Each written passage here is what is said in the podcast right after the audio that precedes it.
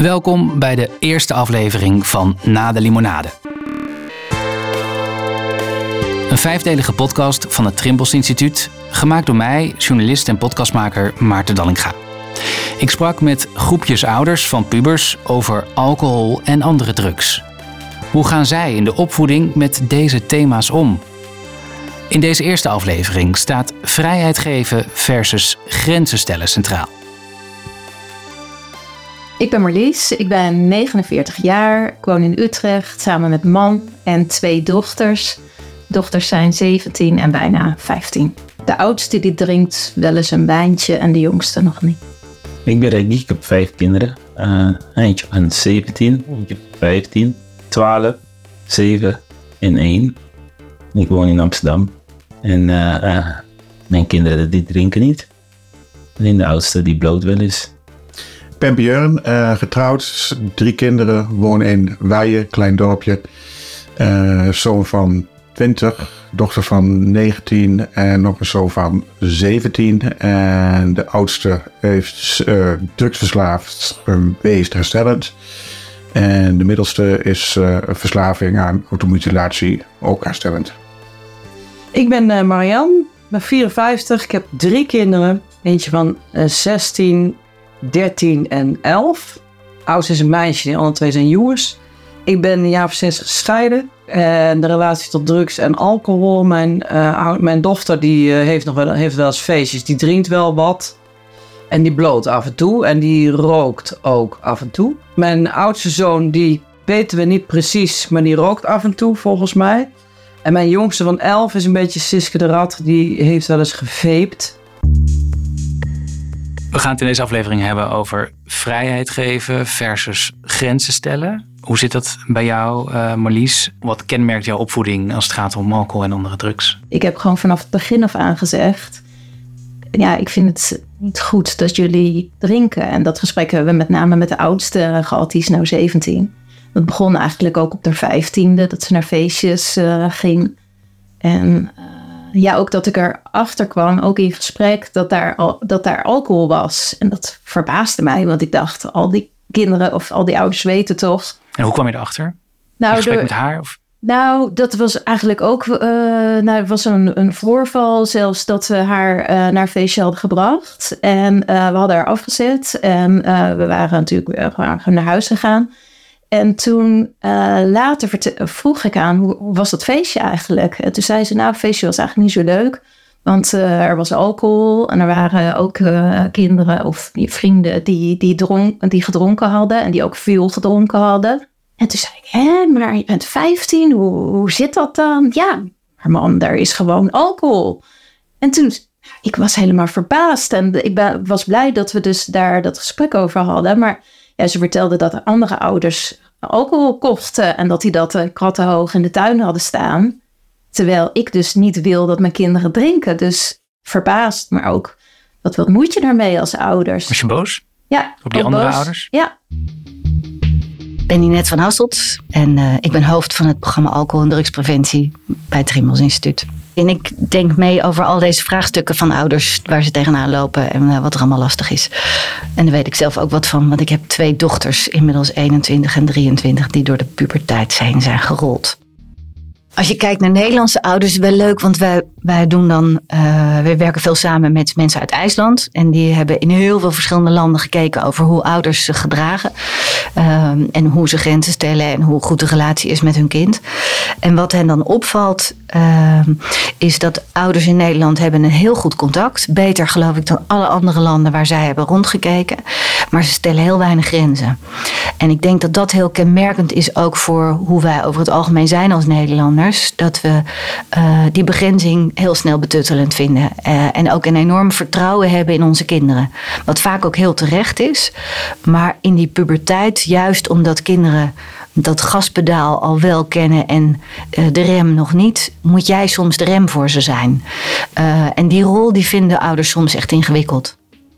Ik probeer juist deze verbinding met mijn dochter uh, te En ik vroeg natuurlijk, heb jij ook wat gedronken? Ja, ja, ook een paar biertjes. Nou ja, dan weet Was je dat wel. de eerste keer?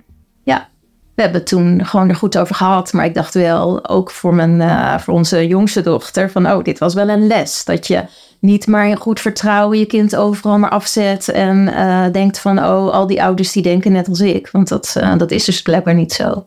Betekent dat ook dat je minder snel toestemming geeft aan je uh, dochter om naar een feestje te gaan? Nee, we vinden dus die vrijheid gewoon wel ontzettend belangrijk. Uh, dus ik heb gezegd, we, heb ik met mijn man gezegd, we willen niet uh, dat je drinkt. En ook met de site van de Trimbos bekeken. Die hebben ook een jongere site. En nou ja, daar de schadelijke gevolgen van het drinken van alcohol. Maar natuurlijk ook over mijn vader verteld. Die was verslaafd aan alcohol ja, hij is daar ook aan overleden. Toen hij overleden is, had ik ook echt zelf een aversie naar alcohol. En kon ik ook absoluut niet uh, ja, met dronken mensen en zo omgaan. Dat ik echt dacht van, nou, hoe verzin je het om daar uh, lol aan te beleven? Dus dat vond ik altijd heel, uh, heel keek je met afschuw naar? Ja, ja. nou, dat maakte wel indruk. En ze snappen ook wel ja, hoe ik erin sta, zeg maar. En ze heeft ook laatst verteld, toen was er een feestje en daar had iemand zoveel gedronken dat 1 en 2 gebeld moest worden en dat hij in het, een meisje in het ziekenhuis belandde. Dat komt gewoon best wel geregeld voor. En daar, ja, daar hebben we het dan over. En... Zit er iets van herkenbaarheid in, Ricky? Nee, nee, nee. Nee, dit herken ik ook niet. Nee, totaal niet. Ik mag je maandjes klappen van mijn kinderen. Die drinken niet. Mijn zoontje die bloot. Daar heb ik zeg maar een paar keer naar moeten vragen. Niet veroordelend. Ik heb gewoon gevraagd van nee, blow jij? En waarom vroeg je dat?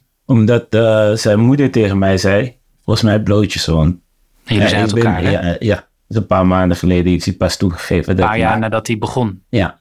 Volgens mij was hij twaalf voor het eerste. Nou, had je het al eerder gevraagd of was het dan op Ik had het al eerder gevraagd. Ja, ik heb het al een paar eerder Toen zei hij nee. Hij zegt dat hij er beter door slaapt. Dan nee, uh, blowen. Maar drink. Hoe was dat voor jou om dat te horen? Ik vond het een kwalijke zaak. Dat je niet gewoon normaal kan slapen. Maar hij heeft ADHD, zeg maar. Daar heeft hij dus medicijnen voor, maar die slikt hij niet. Maar hij zegt dat hij hierdoor uh, slaapt hij veel lekkerder. Wat denk jij als je dat hoort? Altijd als middelengebruik, en dat geldt zeker ook voor cannabis, een rol krijgt bij iets uh, dat ze zeg maar een functie krijgt.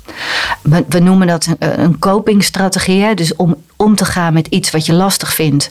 En in dit geval is dat in slaap vallen. Uh, maar dat kan ook zijn ontspannen, uh, leuke seks hebben. al die dingen kunnen een rol spelen bij middelengebruik. En als dat steeds functioneler wordt, dan moet je je zorgen gaan maken omdat je dan veel sneller in een verslaving rolt. Hoe reageerde jij in dat gesprek? Nou, ik vertelde hem dat, uh, ja, uh, dat, het, dat ik het zelf nooit heb gedaan en dat ik me er, daar niks bij kan voorstellen. Hij, vond, hij vindt dat het wel nodig is, dus hij doet het nog steeds. Maar dat is een soort zelfmedicatie dus. Ja. ja. Uh, ik ga binnenkort met ze op vakantie. Een paar dagen in Spanje en dan kunnen we, zij denk ik wel goed met hem praten. Ja? Heb je het al bedacht, weet je? Ja, ik heb het zelf al bedacht, ja. Hoe, hoe zie je het voor je? Ik hoop niet dat hij wat meeneemt. En en dat hij dan kan zien dat hij er ook zonder kan. We hebben het over vrijheid versus grenzen stellen. Ja, dan gebruikt bijna iedereen bloot. En dan maakt niet uit wat voor niveaus het zijn. En uh, ik denk ook niet dat het heel veel kwaad kan. Hm. Denk ik. Wat zijn de risico's? Dat hangt er heel erg van af. Uh, hoeveel die bloot, uh, hoe oud die is. Uh, maar ook bijvoorbeeld of je aanleg hebt voor schizofrenie. Dat vind, vind ik een van de grote problemen van, van cannabisgebruik. Is dat als je juist in die fase, in die puberteitsfase, zo 16, 17, vooral jongens zijn dan gevoelig voor het ontwikkelen van schizofrenie. en als je dan heel veel bloot en je hebt die gevoeligheid, dan is de, de kans echt substantieel veel groter. Hoe meer je bloot, hoe, hoe groter dat je uh, schizofrenie krijgt. Het andere wat je ziet waar blowen echt een rol uh, kan hebben die, die niet prettig is, is dat mensen eindeloos in een soort plannenmakerij uh, blijven hangen. Dus grote ideeën en plannen en, en, en, en, fantasieën over wat ze allemaal gaan doen, maar dat eigenlijk zorgt dat blowen voor apathie. En dat is zonde, want dan zie je dat mensen gewoon hun volle potentieel niet gaan gebruiken. heb je er wel eens je in verdiept? In, uh, in, in, de mogelijke risico's van uh, ja, ja, ja, zeker. zeker. Maar uh, ik heb het gevoel dat hij niet heel erg verslavend gevoelig is. Heb je professionele hulp gezocht? ja, dat heeft zijn moeder gedaan. Hij heeft ook niet meer de vrienden van, van vroeger, zeg maar. Hij heeft nu hele andere vrienden dan En toen de tijd. Um, Björn, hoe luister jij naar dit verhaal? Ik kan daaraan relateren. We hebben natuurlijk zelf ook wel gehad inderdaad. Uh, dat we thuis wel het vermoeden hadden dat ze, in het begin uh, dat er gebloot werd. Dus dan vraag je dat. Blow je? En dan is het antwoord nee, doe het niet. En maar op een gegeven moment uh, kwam het er wel uit dat ze, dat ze wel blode. Ehm, ik denk dat wij in eerste instantie wel hetzelfde hadden als jij. Van joh, het is, als het één keer in de maand is. We hebben het zelf vroeger ook wel gedaan. Dus ja. Kan niet zoveel kwaad. Kan niet zoveel, als het sociaal gebruik is, kan het niet zoveel kwaad. Maar dan gaat het op een gegeven moment gaat het verder en is het dagelijks gebruik en uh, zit hij in een verkeerde vriendengroep en gaat het naar pillen, gaat het naar 3MMC en, en alles wat ze in hun handjes konden krijgen werd naar, naar binnen gedrukt. Um, en ook dat hebben we eigenlijk veel te laat doorgaan. Dat is ook veel, veel groter gevaar. Uh, Hoe luister je dan naar Ricky uh, als hij dit zo vertelt? Zo je middelen gaat gebruiken, wat het ook is, omdat je lichaam het anders niet kan, dan ga je in verslavingen. Wat zijn nou de belangrijkste tips voor als je ontdekt dat je kind verslaafd is geraakt? Eh, het belangrijkste is het delen. Het delen met andere ouders. Ik denk sowieso, eh, ouders kunnen ontzettend veel hulp aan elkaar hebben. er zijn heel veel mogelijkheden om heel laagdrempelig hulp te vinden. Via de alcoholinfolijn of de drugsinfolijn die we zelf hebben. De instelling voor verslavingszorg in de regio. Daar kan je naar bellen, die drugsinfolijn. Je kunt bellen met mensen, je kunt chatten. Uh, je kunt heel veel informatie vinden. Kan dat ook anoniem? Kan ook allemaal anoniem. Geldt ook voor je instelling voor verslavingszorg. Iedereen heeft in zijn eigen regio een eigen instelling voor verslavingszorg. Daar kan je ook altijd mee bellen. En de huisarts? Uh, de huisarts is altijd een handige partij om mee te praten. Ik, ik heb in de situatie gestaan dat ik daadwerkelijk minder van mijn kind hield. Op het punt van, ja, je, je, moet weg. Je, jij, jij maakt mijn gezin kapot. Mm -hmm. dat wil ik wel meegeven naar verslaving toe. Eh, dat, dat, dat echt, het gaat gewoon zo ver. Het gaat zo, zo hard in. En waarom dus raakt het je nu zo als je erover vertelt? Ja. Uh, omdat het nog wat is. Ze zegt van, ik hield, ik hield voor minder van mijn kind. Het gaat natuurlijk wel goed overigens. Maar... Dat is Zo pijnlijk om te moeten zeggen, ja. Vreselijk. Ja. Marianne, dit klinkt voor jou bekend. Jij werkte in de verslavingszorg. Maar let je daardoor ook extra op uh, het, het, welzijn van jouw kinderen? Uh, ja, daarom vind ik communicatie zo belangrijk. Niet boos zijn, het gesprek aangaan, communiceren, communiceren, communiceren. En iedere puber heeft natuurlijk zijn geheimen. En je moet echt uh, dat, dat ze alles tegen je vertellen, dat is op een gegeven moment natuurlijk afgelopen. Dan gaan ze dingen natuurlijk achterhouden en dat hoor je natuurlijk ook. Eerst nee, nee en na de derde keer, nou ja, eh, wel.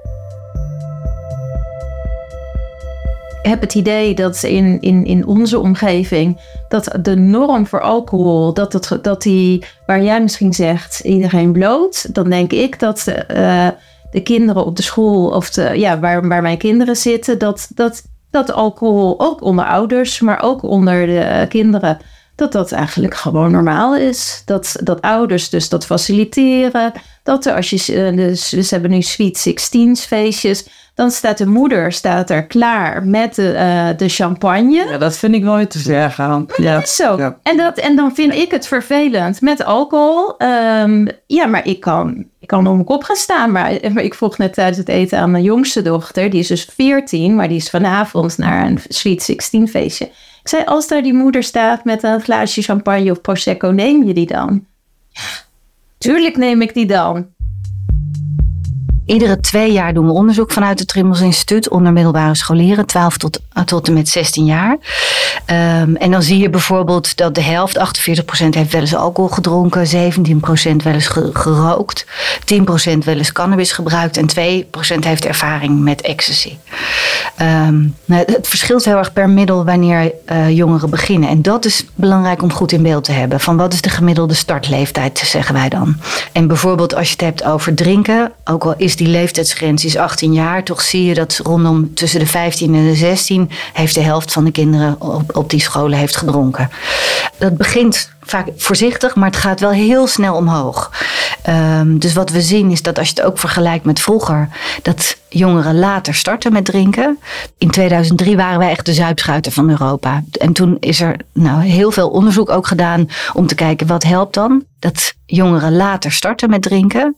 Dat is echt winst, want dat betekent dat dat jonge brein niet zo blootgesteld is aan alcohol. Maar het lastige is dat op het moment dat ze gaan drinken, dan gaan ze meteen vol ervoor. Dus dan hebben ze meteen ook veel ervaring met binge drinken, met regelmatig in het weekend doorhalen. Uh, en dat zegt iets over de drinkcultuur waarin we leven. Ook omdat zij heel, ja, gewoon een hele leuke, zelfstandige jonge vrouw is. Ik denk niet dat zij, uh, als ze nu op vakantie gaat, dat zij zich helemaal lam gaat uh, drinken. Zij heeft eigenlijk, dat, daar, daar begonnen we dit gesprek mee, met die vrijheid. Ik, ze moeten zelf erachter komen wat ze, wat ze, wat ze belangrijk zijn, wat vinden, wat hun grenzen zijn. Maar dat zou ook in theorie of in de praktijk kunnen betekenen dat ze, dat ze zich tot een coma zuipt. Nou, maar ik denk dus, doordat we dus deze gesprekken hebben gevoerd, dat zij weet waar ik bang voor ben, dat ze weet, dat ze bij die andere meiden heeft gezien wat, wat er gebeurt als je niet nadenkt. Daar is ook van geschrokken. En daar is ze ook heel erg van geschrokken. Ja, dat ik hoop dat zij uh, ja, zich tot zelf tot een kritische uh, jonge vrouw heeft ontwikkeld en dat ze zelf haar eigen keuzes maakt, zonder dat het allemaal van mij moet of zo. Want ik denk pas dat je iets doet als je er zelf achter staat. Is dat inderdaad een, een goede opvoed, uh, opvoedmethode? Misschien wel goed om even een kleine disclaimer te maken. Uh, want ik heb de verhalen van de ouders wel gehoord, maar ik heb ze zelf niet gesproken. Ik was niet bij die gesprekken. Dus wat ik vertel is wat ik weet. Uh, en het gaat over ouders in het algemeen, niet over deze specifieke ouders. En je wil mensen ook niet voor het hoofd stoten? Nee, zeker niet. Ja. Kijk, aan de ene kant, ouders kennen hun kind het best. Uh, maar als je kijkt naar het naar over de hele linie heen, is juist je rol om ook te begrenzen als ouder. En het interessante is bijvoorbeeld als je het hebt over alcoholgebruik, dan zie je uh, dat ouders denken, nou laat ze maar een keer flink dronken worden, dan weten ze het wel. En dat is echt niet effectief. Je ziet zelfs bij studies van ratjes, zie je dat uh, dat bij heel veel producten werkt. Dat met, uh, ratjes dan denken na één keer van, oh, nou dit was niet leuk. Maar bij alcohol is het niet zo.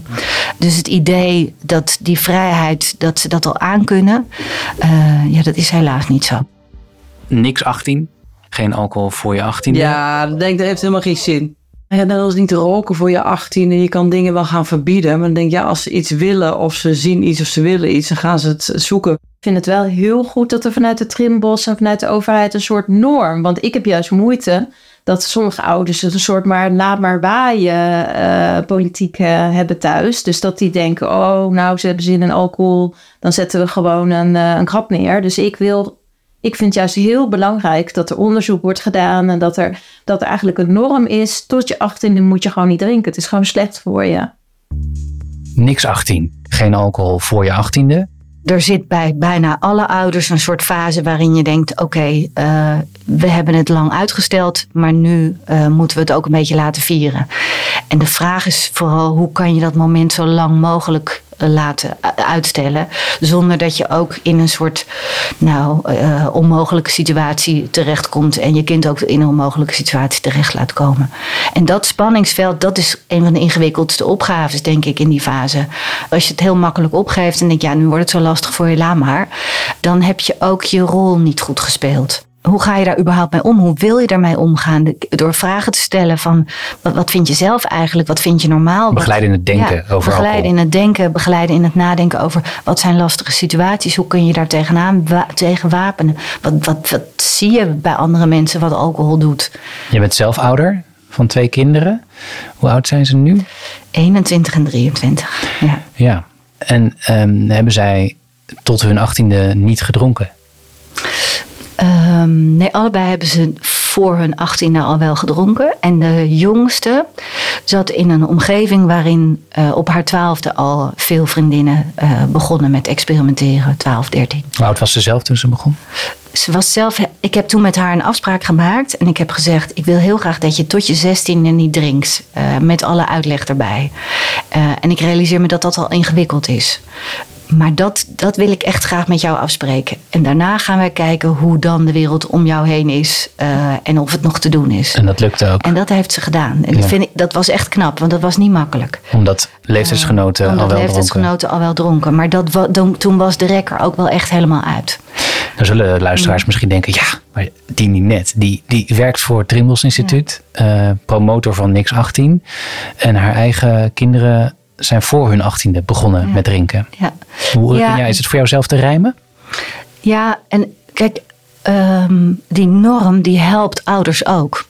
Eh, die maakt heel helder dat het goed is om dat zoveel mogelijk uit te stellen.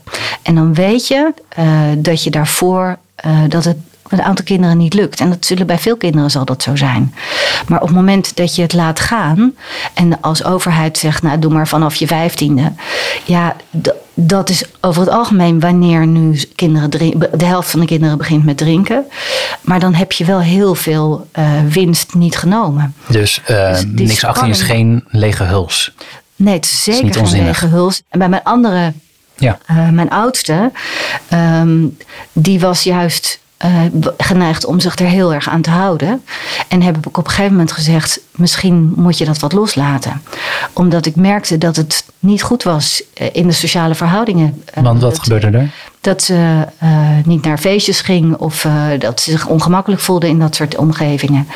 Ehm, dus het is, het is gewoon maatwerk. En dat is het lastige van zo'n campagne. Je kunt geen maatwerk leveren. Je kunt alleen een grote, groot advies geven. En vervolgens moet je dat als ouders zo goed mogelijk invullen. En dat is echt best een spannende. Ieder kind is anders. Wij zijn natuurlijk allemaal anders. Wij nemen ons eigen verleden mee. En waar, waarmee we het beste proberen te doen. Maar je kind, ieder kind is ook weer anders. Dus ja, die gebruiksaanwijzing die komt niet eh, met de placenta mee. Dus... maar dat denk ik wel eens, hadden ze die maar erbij gedaan. Want het, ik vind het toe wel een klus. Je luisterde naar de eerste aflevering van Na de Limonade. Een podcast gemaakt door mij, Maarten Dallinga, voor het Trimbos Instituut. Esmee Koeleman assisteerde bij de montage. In de volgende aflevering staat In contact blijven centraal. Voor achtergrondinformatie kijk op helderopvoeden.nl. Mailen kan naar helderopvoeden.trimbos.nl. Als je vindt dat meer ouders deze podcast zouden moeten horen, praat er dan met anderen over. Of laat een recensie achter bij Apple Podcasts of Spotify. Alvast veel dank en graag tot de volgende.